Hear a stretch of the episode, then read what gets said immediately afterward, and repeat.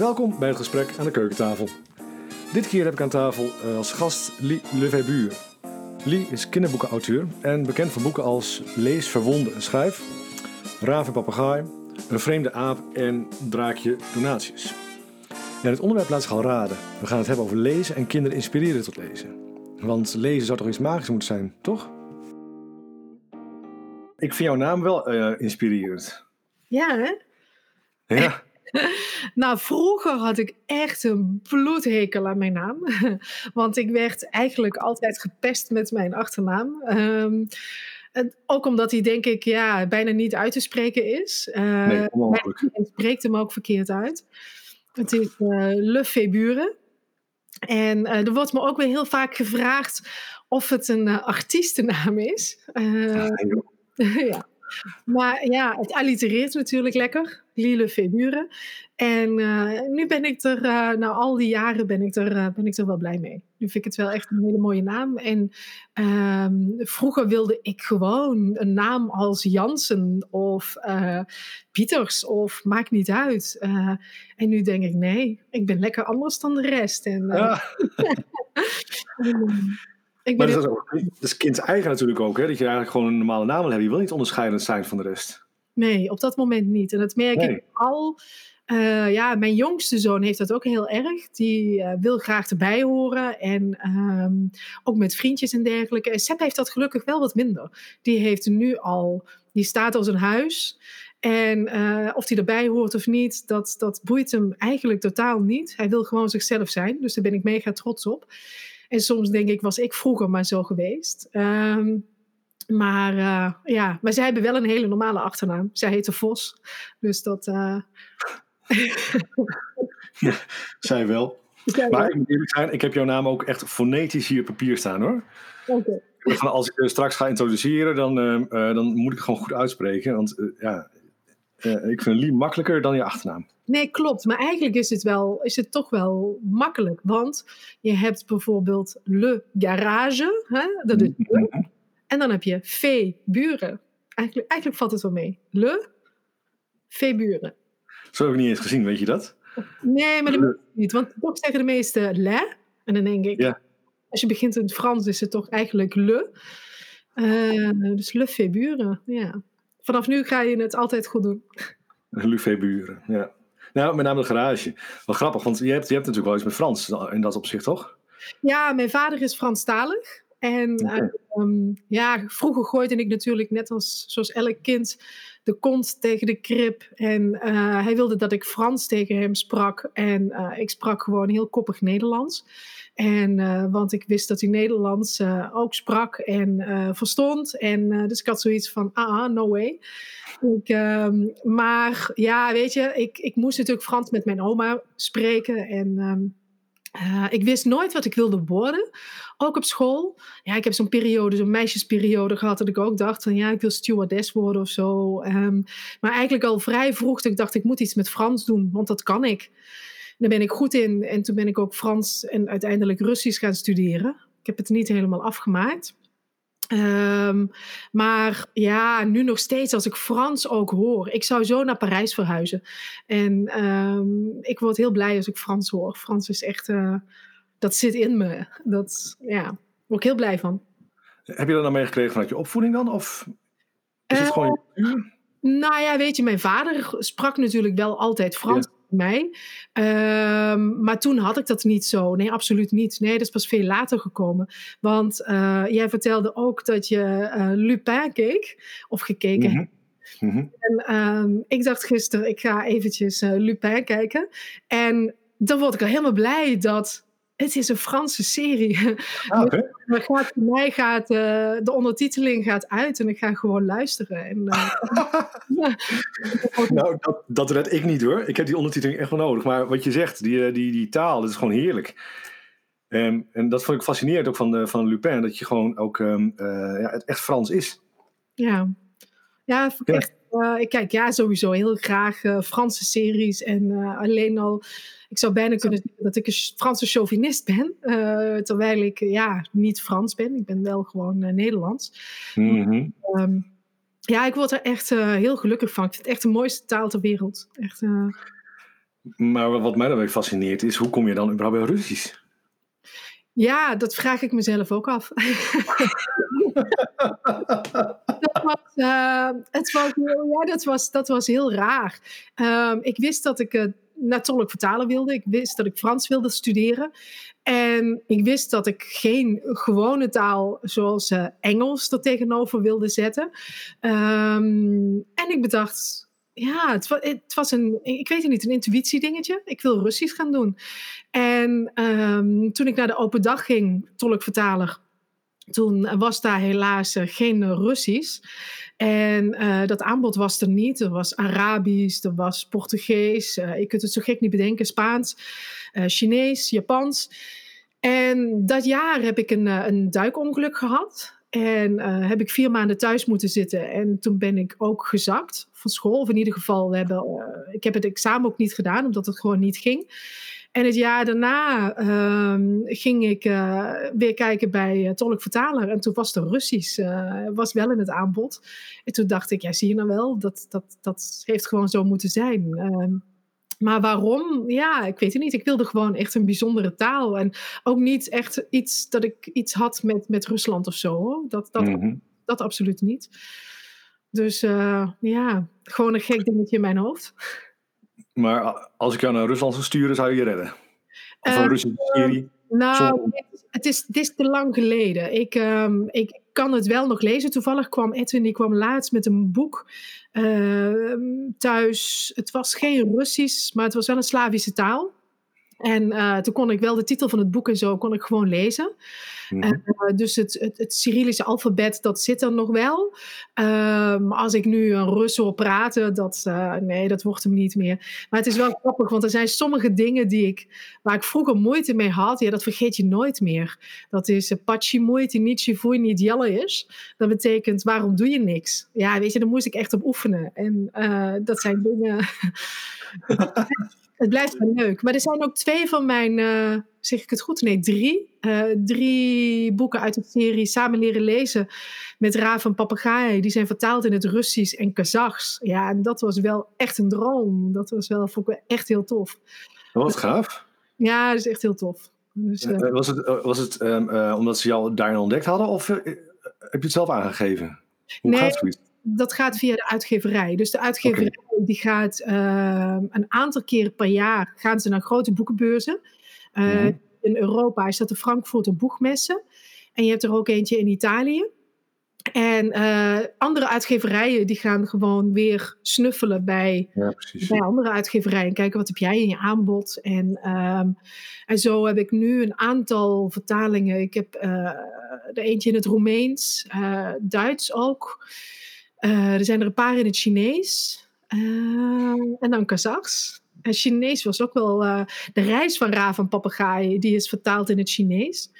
En dat is wel heel tof. Want vaak gaat het, meestal gaat het om vertalingen over prentenboeken. En ja. prentenboeken kunnen, een uitgeverij kan ook heel snel zien van wat is het moraal van het verhaal, spreken de illustraties me aan of niet, en dan is het gewoon heel snel ja of nee. Maar bij een echt verhaal, bij een dikke boek, weet je, dan moet eerst een stuk vertaald worden. Dat zijn natuurlijk al wel kosten. En past dit binnen onze samenleving? Uh, hè, hebben we daar een markt voor of niet? Dus dat is vaak wel wat lastiger. Dus ik vond het wel heel tof dat uh, de reis van Ravenpapegaai uh, die vertaling uh, kreeg. En in de stijger staat nu ook een vreemde aap over Dr. Jane Goodall. die gaat ook vertaald worden naar het Chinees. En ja, dat is ook wel heel tof, want Jane Goodall is heel groot in, in China. Daar kan ze niet over straat lopen, terwijl als ze in Londen loopt, dan gaat ze op in de massa, zeg maar. Mm-hmm. En... Um, en in China is ze echt uh, ja, wereldberoemd. Dat, uh, dus dat is dan wel uh, ja, heel tof. Oh, nou, bijzonder zeg. Een gave ervaring, lijkt me dat. Ja, lijkt, me sowieso, lijkt me heel gaaf dat je iets creëert en dat je dat op een gegeven moment dat het op die manier opgepakt wordt en in een, een totaal andere cultuur terechtkomt. Waar kinderen ook weer kunnen genieten van wat jij gewoon schrijft en wat jij eigenlijk je hart in ligt. Ja, ja, en ik heb ooit een bericht gehad van een Kazachse moeder. Die ook zei dat haar dochter zo blij werd van mijn boeken. En um, ja, die zijn me ook echt gaan volgen. En uh, ja, regelmatig krijg ik berichtjes. En uh, dus dat is wel, ja, dat is heel bijzonder. Dat is ja, heel... gaaf. Maar uh, even, hè, je bent met taal bezig. Dus, um, hoe kom jij in het schrijversvak? Ja, dat is, dat is een hele leuke. Um, ik heb nooit bewust gedacht of het idee gehad van ik word schrijver. Um, ik uh, ben twaalf jaar geleden ben ik moeder geworden van Seb en later is Bent gekomen. En toen Seb drie jaar was, toen had hij een lievelingsknuffel, een grote draak. En hij wilde dat ik in de bibliotheek het boek van zijn draak ging lenen. Of dat ik dat boek kon kopen. Maar dat boek dat was er niet. Dus ik zei heel stoer tegen hem. Ach, weet je wat jongen? Ik schrijf jou dat boek wel. En um, toen ben ik begonnen met schrijven. Dat sloeg nergens op. En um, toen dacht ik, nou ja, weet je, ik heb die jongen beloofd. Dus, uh, uh, en als ik iets beloof, dan kom ik mijn beloftes ook altijd wel na. Uh, toen ben ik cursussen gaan volgen. En uh, echt, het begon echt eerst gewoon met een LOE-cursus, uh, kinderboeken schrijven. Ik heb cursus AVI kinderboeken schrijven gedaan. Um, op een gegeven moment is het veel verder gegaan naar trainingen van echte goede schrijvers ook. personages, conflict, perspectief. schrijven in scènes, ontdek je eigen stijl. En... Um, toen is uiteindelijk Draakje Donatius heeft het koud, uh, is, uh, is dat toch uitgekomen. En uh, ik had in eerste instantie niet echt het idee dat het bij een uitgever terecht zou moeten komen. Maar het was wel echt heel leuk. En um, ik had heel goed contact met Margot Zende op, op Facebook. En zij illustreert ook kinderboeken. En ik zei tegen haar, ik zou het zo, zo, leuk vinden om dit samen te doen. En toen zei ze, nou, ik wil het verhaal ook wel eens lezen. En toen heeft ze het verhaal gelezen en ze zei meteen van, ja, dit is echt leuk. En ze zegt, ik moet volgende week naar de uitgever. Ik ga het verhaal gewoon meenemen. En zij heeft het verhaal meegenomen. En de uitgever, die had meteen zoiets van, dit gaan we uitgeven. Dit is, dit is echt, een, uh, echt een leuk verhaal. En uh, dus dat was wel echt heel tof.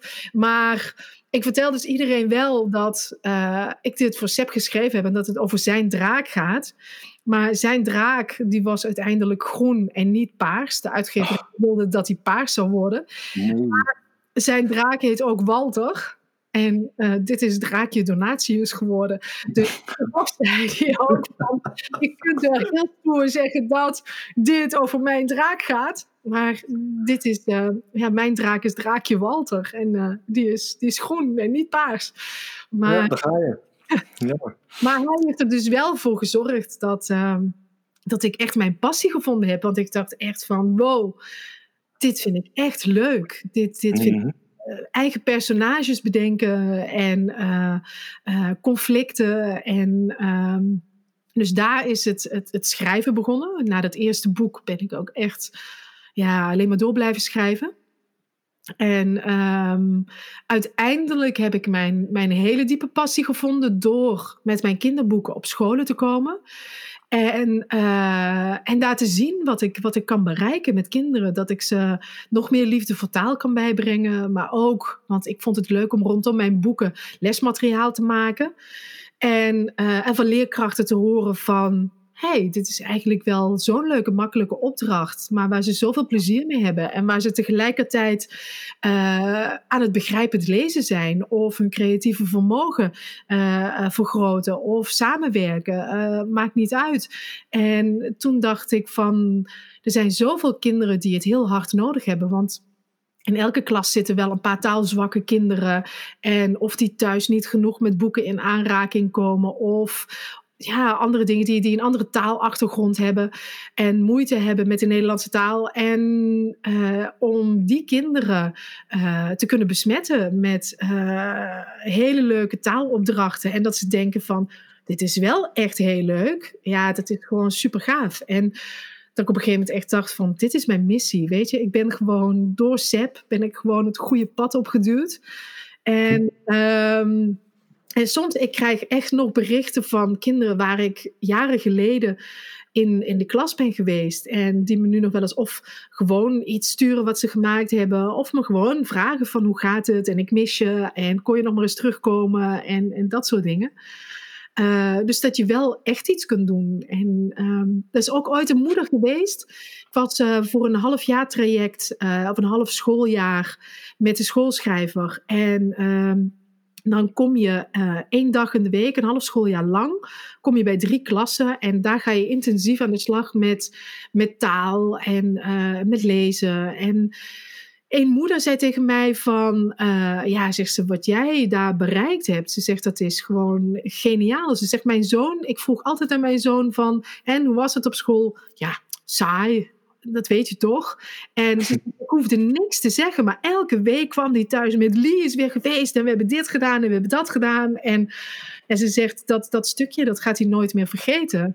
Uh, zoals je bepaalde dingen in je leven ja, voor altijd meeneemt, zegt ze, gaat hij jou voor altijd meenemen. En dat vond ik wel ja, heel tof. Dat, dat, maar dat, dat, dat, klinkt een beetje alsof, uh, uh, alsof je de leerkrachten herinnert van vroeger die de mooiste verhalen kon vertellen of de mooiste bordtekeningen kon maken. Ja. Volgens mij heeft iedereen wel zo'n leraar in zijn hoofd. Hè? Maar, wat, wat, is het dan? Is het dan die, die passie die je overbrengt of die kennis of wat zou dat zijn? Ja, ik denk ook wel dat het een, een, een combinatie is, weet je. Um, ik heb natuurlijk ook een ja, bepaald karakter. Ik, ik ben sowieso al van nature uh, heel sociaal, maar ook, um, ik denk wat mijn kracht is, dat ik uh, naast het kind sta en niet boven het kind. Op het moment dat ik in de klas ben, uh, ik ben niet die docent die de kinderen op de vingers stikt. Ik, ik um, sowieso, ja, ik, ik ben denk ik one of the guys op dat moment. En dat vind ik ook heel leuk. Want weet je, het is leuk om volwassen te zijn. Maar aan de andere kant is het soms ook helemaal niet zo leuk om volwassen te zijn en al die verantwoordelijkheden te hebben. Um, maar ik denk dat de magie in het leven ook is om altijd door die bril van die kinderen te kunnen blijven kijken. Ja. Ik, heb, ik heb ooit eens een keer, uh, en dat was echt een hele taalzwakke school, uh, ben ik geweest en ik kwam in een klas. En, uh, en er was een jongen en uh, ja, die stond met, uh, met een schaar tegenover de juf. En die gooide met boeken door de klas. En ik dacht echt van, oké. Um, en ik ben gewoon mijn ding gaan doen. wat ik altijd doe. En op een gegeven moment de klas had, had een opdracht gekregen. En ik was iemand anders aan het helpen. En hij komt naast me staan. En hij vraagt om hulp dus ik zeg tegen hem van, ja joh, weet je, ik help haar eerst even en dan uh, kom ik zo meteen kom ik naar jou toe. Ja, dan laat maar, weet je. En toen was hij eigenlijk echt even heel boos. En ik heb hem even gelaten en ik ben naar de hand ook naar hem toe gegaan en ik heb gezegd van, luister, als ik nu bij jou ben en iemand anders komt, dan wil ik jou ook die volledige aandacht geven, want dat verdien je, weet je. En zij verdient dat ook. Dus ik wil proberen om er echt voor iedereen te zijn, maar ook voor jou. En um, daar heeft hij even over nagedacht. En toen had hij eigenlijk zoiets van, ja. En ik heb nooit een kind aan hem gehad. Hij kwam echt altijd met de meest enthousiaste verhalen. En um, en ook nu af en toe krijg ik nog een berichtje. Het is wel grappig, want hij heeft uh, online met spelletjes heeft hij mijn zoon ontdekt. En uh, dus hij speelt af en toe met mijn zoon. En dan krijg ik een berichtje van: hey, ik ben met Sepp aan het spelen. Uh, um, maar wat je ziet, en, en dat is wat ik denk dat vaak ook gebeurt, waardoor kinderen volgens anderen weer lastig gevonden worden. Ze willen eigenlijk gewoon alleen maar allemaal gezien en gehoord worden. -hmm. En. Um, het is uh, lastig als leerkracht om een kind wat er altijd fors tegenin gaat, uh, om die misschien juist die positieve aandacht te geven. Maar hij is degene die het het meest nodig heeft. Uh, ze schreeuwen vaak ook alleen maar omdat ze het nodig hebben. Of dat is mijn ervaring. Ik denk een klein beetje begrip, een klein beetje aandacht, een luisterend oor. En um, dat geeft zoveel winst. Mm -hmm. uh, ja.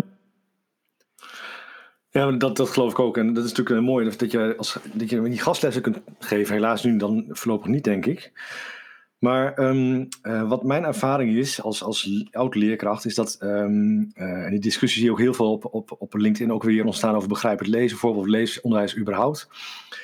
Um, om die kinderen toch eigenlijk aan het lezen te krijgen. En dat vind ik altijd wel een, een, een uitdaging. Van hoe krijg je nou um, je kinderen echt aan het lezen? En ik merk hier zelf aan mijn kinderen. Um, middelste, uh, Femke, die heeft voor jou een fantastisch boek gekregen. En die is echt helemaal in, uh, ingezogen en die is mee bezig en creatieve uitspattingen. Maar mijn jongste, nou, ik ben blij dat ze überhaupt een Suske Wiske leest. Um, Mhm. uh, en dat mag dan voor mij ook, want ik heb zoiets van, ja, weet je, uh, als je aan het lezen bent Mhm. en uh, die fantasie kan gebruiken en voor je gevoel um, ja, toch die, die, die creativiteit ontwikkelt, hè, taal bezig bent. Maar ik vind het echt wel lastig. Wat, wat, wat, hoe doe je dat? Um, ik doe dat wel anders, of in ieder geval, ik zeg wel tegen leerkrachten, want wat heel vaak gebeurt, ik zeg maar hier wat, we hebben hier het ministerie van Oplossingen. En uh, van uh, Sanne Roosboom. een hele leuke serie trouwens voor kinderen tussen de 6 en de 9. Um, en wat gebeurt? Een leerkracht heeft bijvoorbeeld dit boek in de klas en gaat dagelijks een stuk uit dat boek voorlezen. Mm -hmm. En uh, ik zeg altijd: ah, ah, niet doen. Weet je, lees. Uh, een hoofdstuk, stop op het allerspannendste moment. En er zijn echt wel een aantal kinderen in de klas die dit boek willen uitlezen. Niet allemaal. Maar waar gaat het om uh, bij lezen? Weet je, de meeste kinderen hebben het geluk, die worden uh, voorgelezen als ze, als ze jong zijn door hun ouders. En uh, ook helemaal super. En op een gegeven moment gaan ze naar school. Ze leren om te lezen. Zeg ik het goed? Ze leren, ja, ze leren om te Mhm. lezen. Dat is leuk. Weet je, dat is, dat is magie. Want van al die letters uh, kun je zinnen maken en die zinnen die kun je lezen. En op een gegeven moment verschuift het uh, aandachtspunt van uh, je moet niet meer leren om te lezen, maar lezen om te leren. Dat is sowieso een stukje wat kinderen dus een beetje tegenhoudt. Maar ook mijn visie is dat. Uh, net zoals je je smaak ontwikkelt. Uh, weet je, jij eet als je jong bent, tenminste niet in onze cultuur, begin je bijvoorbeeld niet al heel jong met sushi eten. Of uh, pikante dingen. Of uh, I don't know. Weet je, maar je moet proeven om. Te weten wat jouw smaak is, om te kiezen wat je lekker vindt, om dat te ontdekken. En dat moet ook gebeuren op scholen. En net eigenlijk op het, op het moment dat ze interesse moeten gaan ontwikkelen om zelf te gaan lezen. Uh, dat belangrijk is om te lezen, uh, moeten ze wel uitvinden van wat vind ik leuk en wat, wat vind ik lekker, noem ik het dan. Um, dus mijn advies aan leerkrachten is altijd van, oké, okay, je leest dus niet meer dat hele boek uit. Want ook al zegt de leerkracht, ja, maar ik, lees, ik, ik wil ook weten hoe het afloopt. Ja, dan moet je het maar ook in je eigen. Uh, maar lees bijvoorbeeld een maandag een gedicht voor. Uh, lees op dinsdag een paar moppen uit een moppenboek voor. Lees op woensdag weetjes uit een weetjesboek voor. Uh, er is van uh, mijn eigen uitgeverij is een geniaal boek. Uh, Wie heeft het gedaan? Dat is een boek, en ik denk dat jouw jongste dochter, die zal er echt ook van gaan smullen. Uh, dat is een boek met, met raadsels. Uh, er staat tekst bij en uh, er staan tekeningen bij. En soms moet je echt vanuit de tekst, moet je daaruit halen wie iets gedaan heeft. Um, maar soms moet je ook heel goed naar de plaatjes kijken. En het is een soort detective, maar dan op twee, drie pagina's. Uh, geniaal. Mijn kinderen hebben dat gewoon in een uur, hebben die dat heel snel, het hele boek uitgelezen, alle oplossingen uh, proberen te bedenken. En dat, die staat, de oplossing staat dan onder uh, in een flapje. En het was meteen van, is er nog een boek van? Ik denk dat uh, veel leerkrachten en vooral ouders ook niet weten, ja, wat is het aanbod en wat is leuk. Mm-hmm. En um, mijn tip aan leerkrachten, om in ieder geval dus uh, daar een, een aandeel in te geven, is door ook dat aandeel groot te maken. Dus lees elke dag iets anders. De, en, um, en, en dit boek, weet je, het kan toch nog wel gelezen worden. Lees op vrijdag een hoofdstuk als je het helemaal wil uitlezen en de week daarna weer. Maar zorg ook dat dat aanbod uh, groot blijft, zodat een kind kan denken: oh, maar wacht, ik vind, ik vind gedichten wel leuk. En uh, een ander kind is helemaal gek op weetjes. Um, en jij zegt net van, weet je, ja, ze leest alleen maar strips. Maar inderdaad, ze leest. En leest wat je leuk vindt. En um, als je blijft lezen wat je leuk vindt, op een gegeven moment krijg je ook wel die switch. Ik heb uh, zelf twee cadeauzonen. Eentje is uh, 20 en eentje is 24. En die van 20 die heeft echt, nou, je wil niet weten hoe lang Geronimo Stilton gelezen. En dat ik ook altijd dacht, nou ja, Geronimo. Uh, en hij zei tegen mij, maar ik heb hem ook altijd wel, uh, hij mocht hier altijd Geronimo lezen. En had hij een Geronimo uit, mocht hij bij wijze van spreken dezelfde dag nog een nieuwe Geronimo halen. Wij zeiden dus, in een boek uit heb, je mag meteen een nieuwe gaan halen. En uh, hij zei laatst nog tegen mij: van dat heeft er wel voor gezorgd dat ik dat gewoon mocht blijven lezen. Dat ik lezen leuk ben gaan vinden. Hij is nu twintig. Hij heeft een aantal jaren is hij, uh, flink rebels geweest. Heeft gewoon echt alles gedaan wat hij wilde doen. En, um, en nu leest hij eigenlijk alleen maar literatuur. Hij leest uh, alleen maar dingen waar hij iets aan heeft. Hij kijkt alleen maar documentaires, dat je bijna denkt van wow, hij heeft echt een uh, hele transformatie ondergaan. En dat zal echt niet met iedereen gebeuren. Maar ik denk wel ja, dat je kinderen ook de kans moet geven. En, en als ze dan alleen maar dat stripboek lezen, laat ze dan wel dat stripboek lezen. Want op een gegeven moment komt.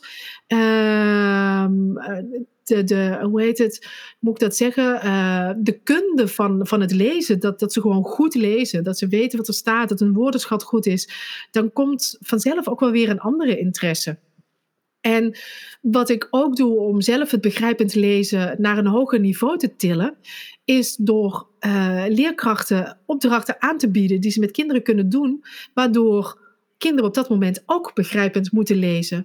Um, ik doe bijvoorbeeld regelmatig in de klas uh, een natuurquiz met kinderen. We zijn geabonneerd hier op de National Geographic Junior. En uh, ik heb echt iets met natuur. En ik heb ook altijd uh, mezelf wijsgemaakt dat ik dat abonnement voor uh, SEP aangeschaft heb. Dus SEP leest het nooit. SEP heeft heel veel interesse in natuur, maar hij leest hem nooit. Ik ben de enige die hem leest. En we hebben echt al, nou, volgens mij vijf of zes jaar er een abonnement op. Dus ik heb echt een mega stapel. Um, maar dan ga ik naar de klas en ik neem echt een hele stapel National Geographics mee. De kinderen hebben meteen allemaal zoiets, oh, mag ik hem houden? nou ja, dat mag niet, want dan ben ik... Een, om mijn stapel heen. Uh, maar dan laat ik ze wel zien hoe ik mijn quiz maak. Want ik doe altijd een quiz met, uh, met kinderen. Laten vogels scheten? Ja of nee? Uh, nee, vogels laten geen scheten. dit is dan de makkelijke variant. A, B antwoorden. Maar ik geef ze zo'n National Geographic en ze gaan daarin lezen. En ze moeten op zoek gaan naar een beetje. Dus ze moeten echt gaan lezen, begrijpend gaan lezen. Welk weetje vind ik leuk? En als ze dan een weetje hebben gevonden dat ze leuk vinden, bijvoorbeeld uh, wist je dat uh, een olifant 100.000 spieren in zijn slurf heeft, uh, dan moeten ze daar een vraag van gaan maken. Dus ze zijn ook nog creatief bezig. Van uh, oké, okay, hoeveel spieren zitten er in de slurf van een olifant? Dan zijn het er 100.000, maar ze mogen ook twee foute antwoorden bedenken. En uh, dat gaat over heel veel diverse vragen. Dit is dan nog een simpele vraag, want hier kun je zetten van uh, 50.000 of 10.000. Maar er zijn ook vragen waar ze dieper over na moeten denken. Van, is het antwoord dat ik geef, zou dat ook wel logisch kunnen zijn? Dus er zijn op zoveel manieren zijn ze, ja, zijn ze didactisch bezig. En, uh, en leerkrachten hebben daar ook zoiets van, oh ja, verdorie, weet je, dit is wel heel tof. Of dat ik een heel tof gedicht uitzoek en ik haal er een paar woorden uit weg. Uh, typ het over en een aantal woorden uh, die haal ik dan weg. En zij moeten het gedicht gaan lezen en de lege plekken gaan invullen. En het mooie is ook nog eens dat ze vaak met zo'n verrassende dingen komen uh, die de dichter helemaal niet bedacht heeft, maar die geniaal zijn. Er is zo'n Um, ik denk mezelf een tijger. Ik denk mezelf wat ik wil. Die gebruik ik heel vaak. En, um, maar dan laat ik tijger weg. Ik denk mezelf één. Uh, en um, die tweede zin, ik denk mezelf het eigen, ik denk mezelf uh, wat ik, puntje, puntje. En dat is dus, ik denk mezelf wat ik wil. Maar sommige kinderen die zeggen, ik denk mezelf wat ik ben. Ik denk mezelf wat ik kook. Ik denk mezelf wat ik schrijf. En daar komen zo'n toffe dingen uit. Um, en zo zie je dat kinderen ook wel echt creatief zijn. Dus zorg als ze al niet genoeg lezen qua boeken, dat je aanbod in je schrijfopdrachten. Want uh, je moet ook uh, aan, aan, je schrijfopdrachten komen. Zorg dan dat je daar bereikt uh, dat ze ook begrijpend aan het lezen zijn en op een hele creatieve manier bezig zijn. Ja. ja, dat vind ik heel gaaf te horen. Want um, dat is ook mijn, mijn passie eigenlijk. Hè, die nieuwsgierigheid en creativiteit en het willen ontdekken. heel gaaf te horen dat je dat inderdaad ook met, met natuur combineert. Ik ben ervan overtuigd dat kinderen dat ook fantastisch vinden en dat we daar veel meer gebruik van kunnen maken. Ja. Ja, dus ik, ja, ik, dit, dit klinkt eigenlijk bijna, bijna logisch in mijn oren als je dit dus zo doet. Ja, eigenlijk, dus eigenlijk, is ook heel simpel. En, en dat is wat ik ook met trainingen aan, aan, aan scholen wil aanbieden. Van, uh, weet je, ik, ik, bij de cursus, uh, bij de training krijgen jullie mijn boek. Uh, voor elke leerkracht een boek. En um, ik heb het ook heel laagdrempelig gehouden.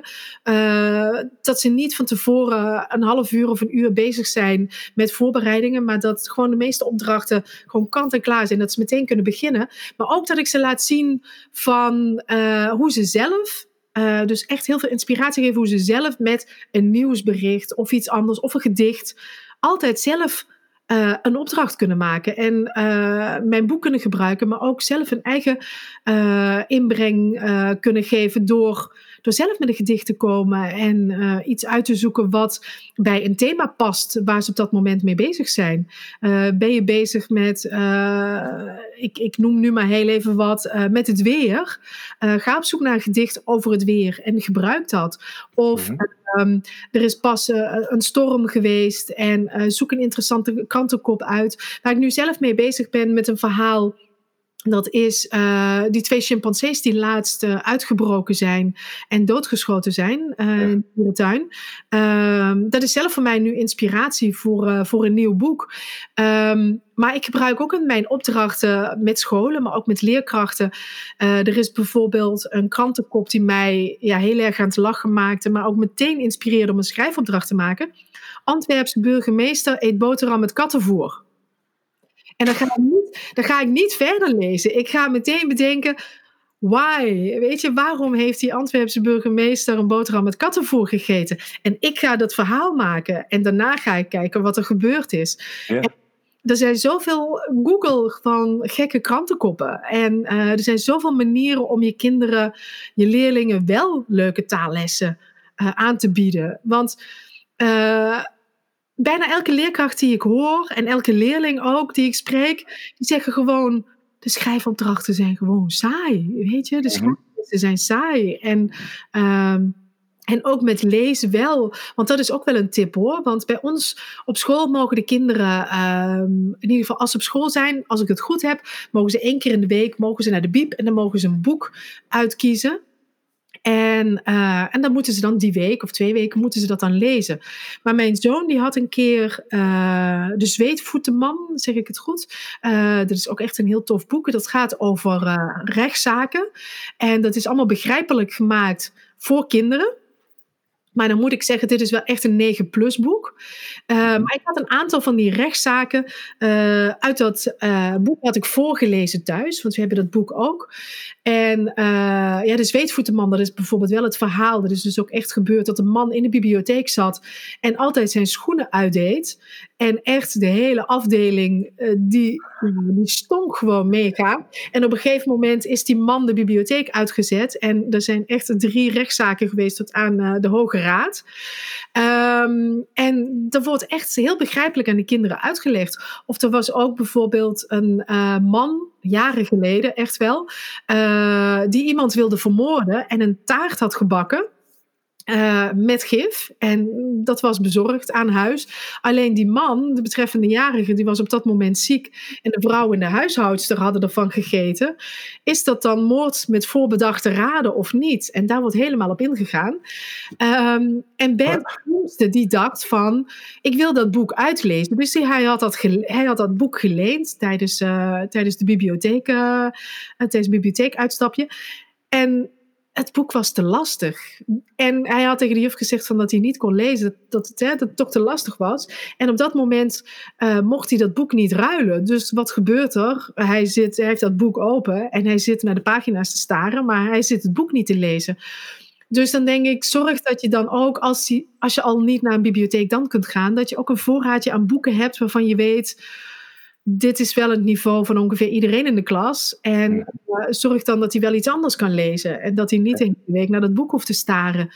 Dus wees daar ook een beetje flexibel in. Want kinderen kunnen zich ook vergissen. Denken van, oh, dit is wat voor mij. En als je dan een kind zegt van nee, je hebt dit gekozen. Je moet dit, dit lezen. Uh, dan haal je ook het stukje plezier weg. Ja. Um, en mijn zoon weet natuurlijk dat ik al die tips ook heb. Dus hij had laatst ook tegen de juf gezegd van... Uh, uh, mijn mama zegt wel dat ik wel stripboeken mag lezen hoor. Hier met zijn mama. En toen zei de juf, ja, jouw mama heeft wel gelijk. En uh, het is ook heel goed dat je veel stripboeken leest, maar ik wil niet dat je elke dag stripboeken leest. Maar ja, aan de andere kant, weet je, hij leest nu Dogman. En dat is echt zo'n graphic novel. Mm -hmm. En daar leest hij gewoon drie boeken van per week. Terwijl die normaal, uh, want hij zegt ook tegen mij, als ik in een boek aan het lezen ben, vind ik het wel leuk, maar als ik moet kiezen, dan kies ik voor gamen. Of dan kies ik om naar een vlog van, uh, van Enzo Knol te kijken. Of weet je dat?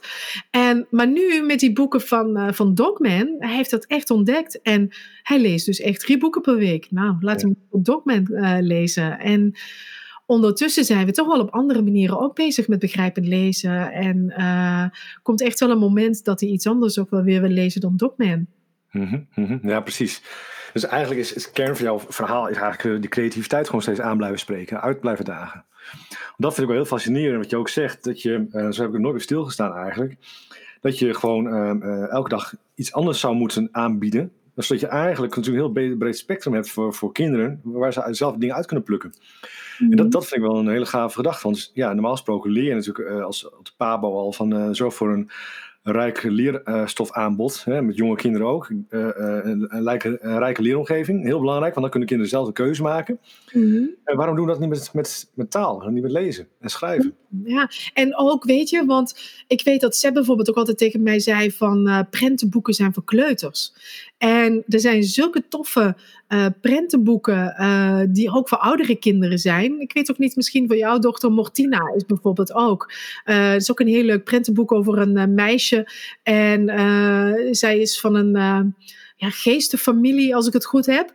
En zij moeten verborgen blijven in de buurt. Niemand mag weten dat zij in dat kasteel wonen. En ehm, Weet je, een prentenboek is geen makkelijke tekst. Een prentenboek is, is dun en een prentenboek heeft heel veel prenten. Dat vinden kinderen tof, dat ze echt iets te hebben. Maar als jouw acht of negen of tienjarige een prentenboek leest, dan leest hij uh, de tekst uh, van uh, zonder AVI-niveau, zeg maar. Dus ja. al lastige tekst.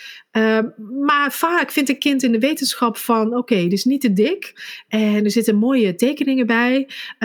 is een lage drempel om beginnen te lezen. Dus bied ook die, die prentenboeken aan. Het hoeft ook niet altijd, want dat zeg ik ook tegen elke leerkracht, het hoeft niet een dik boek te zijn. Weet je, uh, ik heb liever dat ze een dun boek lezen en dat ze dan in prentenboeken toch geïnteresseerd zijn. En misschien lezen ze wel vier, vijf prentenboeken per week uit. Uh, komen ze net zoveel woorden bijna dan dat ze uh, misschien een dikker boek lezen. Um, maar haal ja, de prestatie eraf, haal, hou het leuk, hou het ja.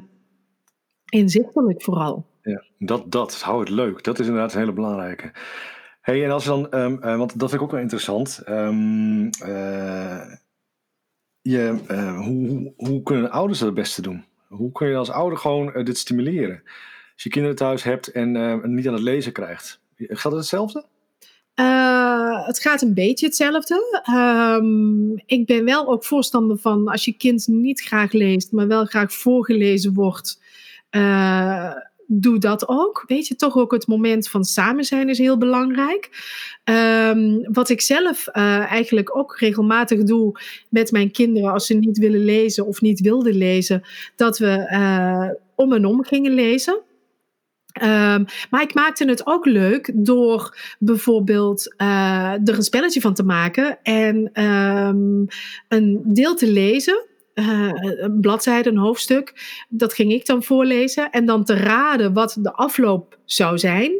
Uh, en het kind dan verder lezen. Want je hebt iets gepland. Je bent samen bezig geweest met het bedenken van wat zou er gebeurd zijn. Waardoor het ook weer heel tof is om dan wel door te lezen. Want je hebt een nieuwsgierigheid geprikkeld.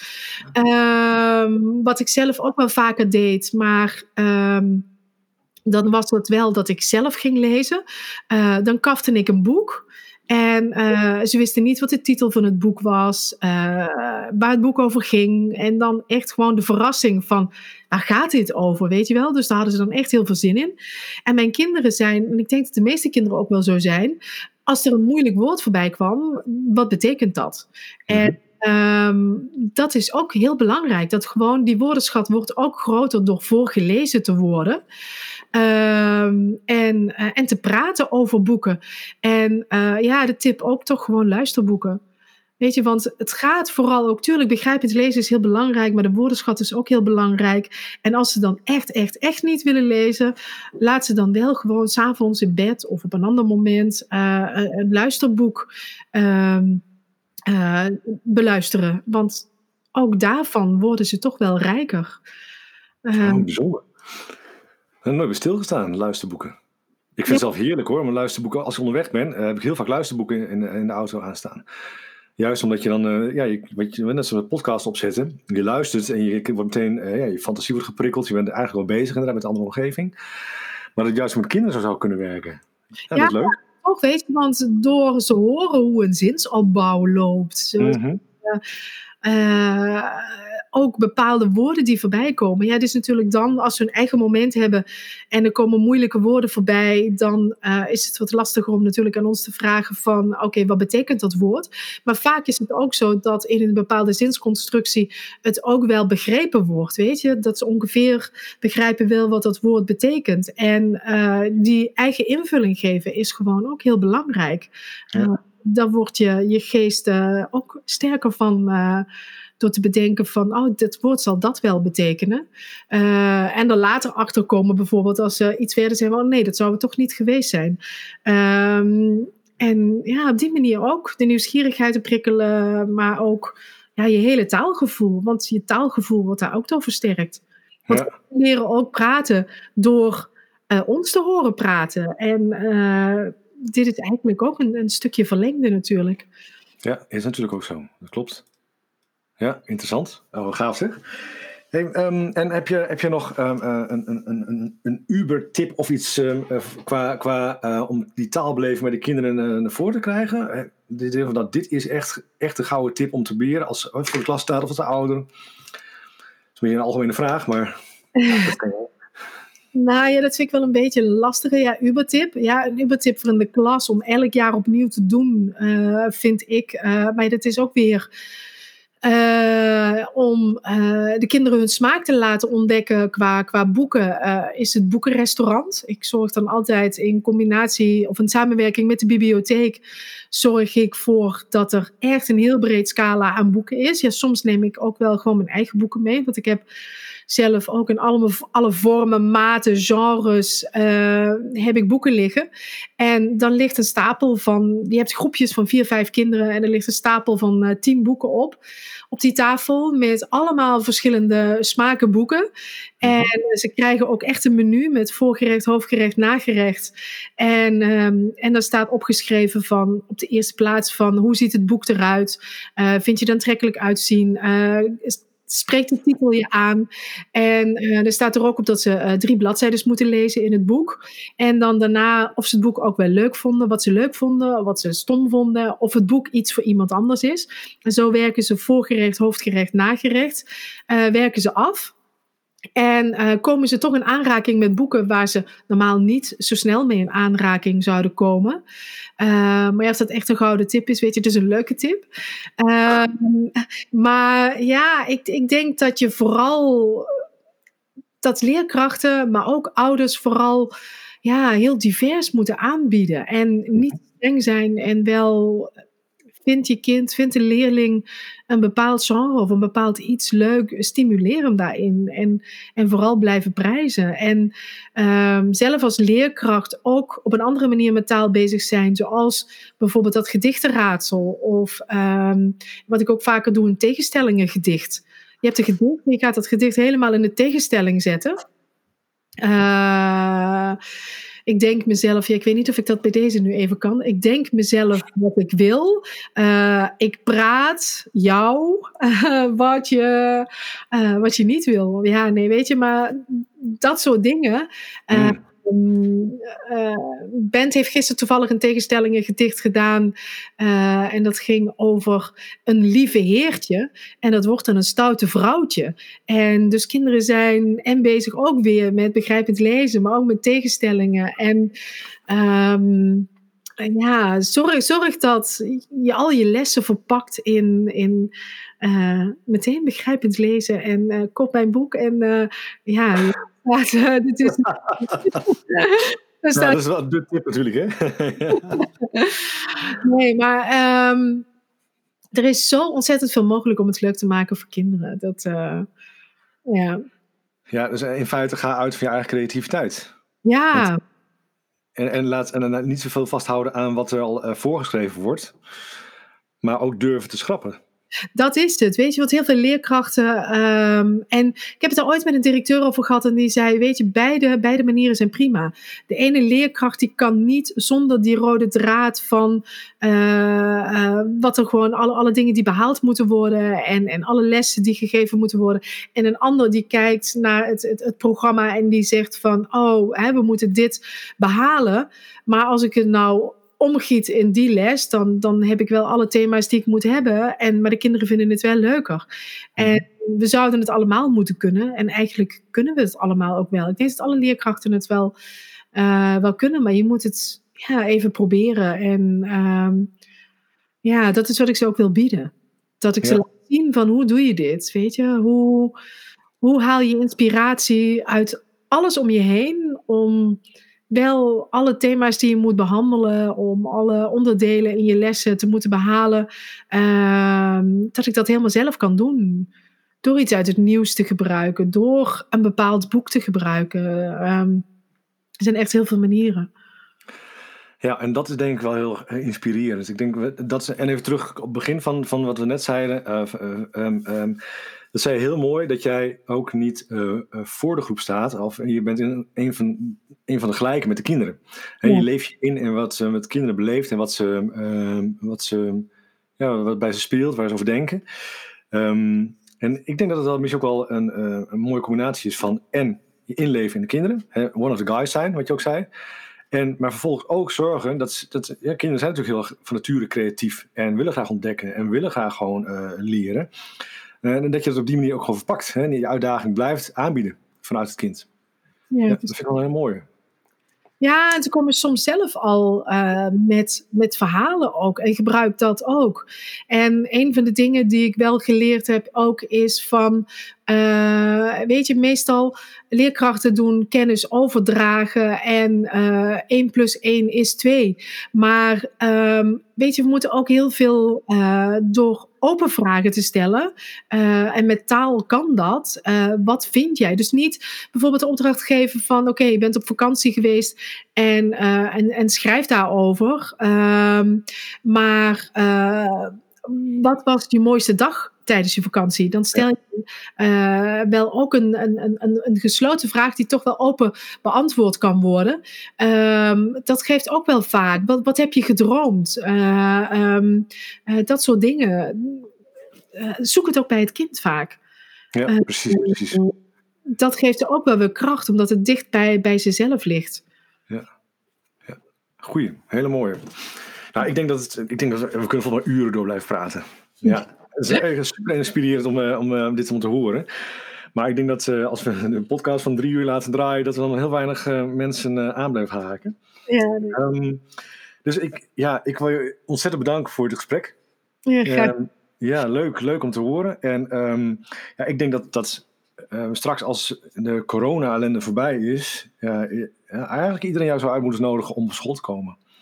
Ik zou bijna mensen um, tekort doen. En natuurlijk ook waarschijnlijk jouw mede-collega-auteurs. Ik wil ook niet tekort doen natuurlijk. Mm. Maar als ik het zo hoor, denk ik van ja, dit, elk kind zou hier in aanraking moeten komen. In ieder geval die inspiratie meekrijgen en het gevoel meekrijgen. Ja, en dat vind ik wel... Toch? Ja, en dat kan ook op, op, op twee manieren. Hè. Dat kan door gewoon echt de auteur in de klas te hebben. En dat is voor kinderen sowieso echt magie, weet je. Die hebben mm -hmm. toch van, wow, daar staat... Uh, voor, voor hen ben je wel ook natuurlijk een bekend iemand. En uh, ja, je bent niet, niet, niet zomaar iemand. En nee. um, dat doet ook heel veel met kinderen. Um, maar ja, ook als je ziet hoe wij ook. Uh, en ook, ja, niet iedereen heeft die passie. Maar ik heb dat wel echt zwaar hoor. Dat ik echt leerkrachten wil laten zien hoe makkelijk het kan. Weet je, hoe met een paar ingrediënten, hoe je zelf ja, je lessen zo onwijs veel leuker kunt maken en onuitputtelijk veel inspiratie hebt om, om zelf aan de slag te gaan. Ja, dat, en dat vind ik juist heel mooi, omdat het heel vaak, als je iemand uitnodigt, dan is er, wat je zegt, is uh, wauw, er, er, komt een schrijfster of er komt een, een heel interessant persoon die iets komt vertellen. Um, maar dat is vaak uh, het moment en de volgende dag is weer gewoon one of the days. En uh, dat vind ik gewoon zo jammer. En het leuke van wat jij nu ook aangeeft, is dat je het eigenlijk wil laten hangen. En dat je gewoon uh, ook meegeeft in de leerkrachten van joh, het is helemaal niet zo moeilijk. Nee. Als je een paar dingen, gewoon een paar instrumenten in je vingers hebt en dat gewoon blijft gebruiken, um, ja, dan ben je eigenlijk al een hele mooie stap vooruit aan het maken. Ja, ja, is echt heel tof. Maar ik zie het ook gewoon gebeuren. Weet je, ik heb al. Uh, ik ben best wel op wat scholen geweest ook al. En uh, leerkrachten mogen inspireren. En dat leerkrachten ook echt. Natuurlijk uh, heb je daar ook altijd wel iemand bij zitten die zoiets heeft van: ja, weet je, wat kun jij me nou leren? Ik sta al 30 jaar voor de klas. Mm-hmm. Um, maar over het algemeen, echt van de 20 leerkrachten waar ik dan voor sta, zijn er gewoon 19 zo waanzinnig uh, enthousiast. En uh, dat ze echt ook naar me toe komen en zeggen van wow, ik wist gewoon niet dat het ja, zo makkelijk kon zijn. En, en dat ik met, met zoiets kleins uh, zo'n grote gave les kan maken. En ja, dat is gewoon echt heel tof. Ja, gaaf. Dat, dat gun ik ieder kind, ieder leerkracht. Dus ja. ja, dankjewel. Ja, graag gedaan. Blijf nieuwsgierig, blijf ontdekken en blijf denken zoals een kind. En maak het lezen leuk door te variëren. En wil je meer weten over Lie? Uh, kijk dan op haar website lieleveburen.nl of zoek haar op op LinkedIn. Um, veel plezier, bedankt voor het luisteren en graag tot de volgende keer. Hoi!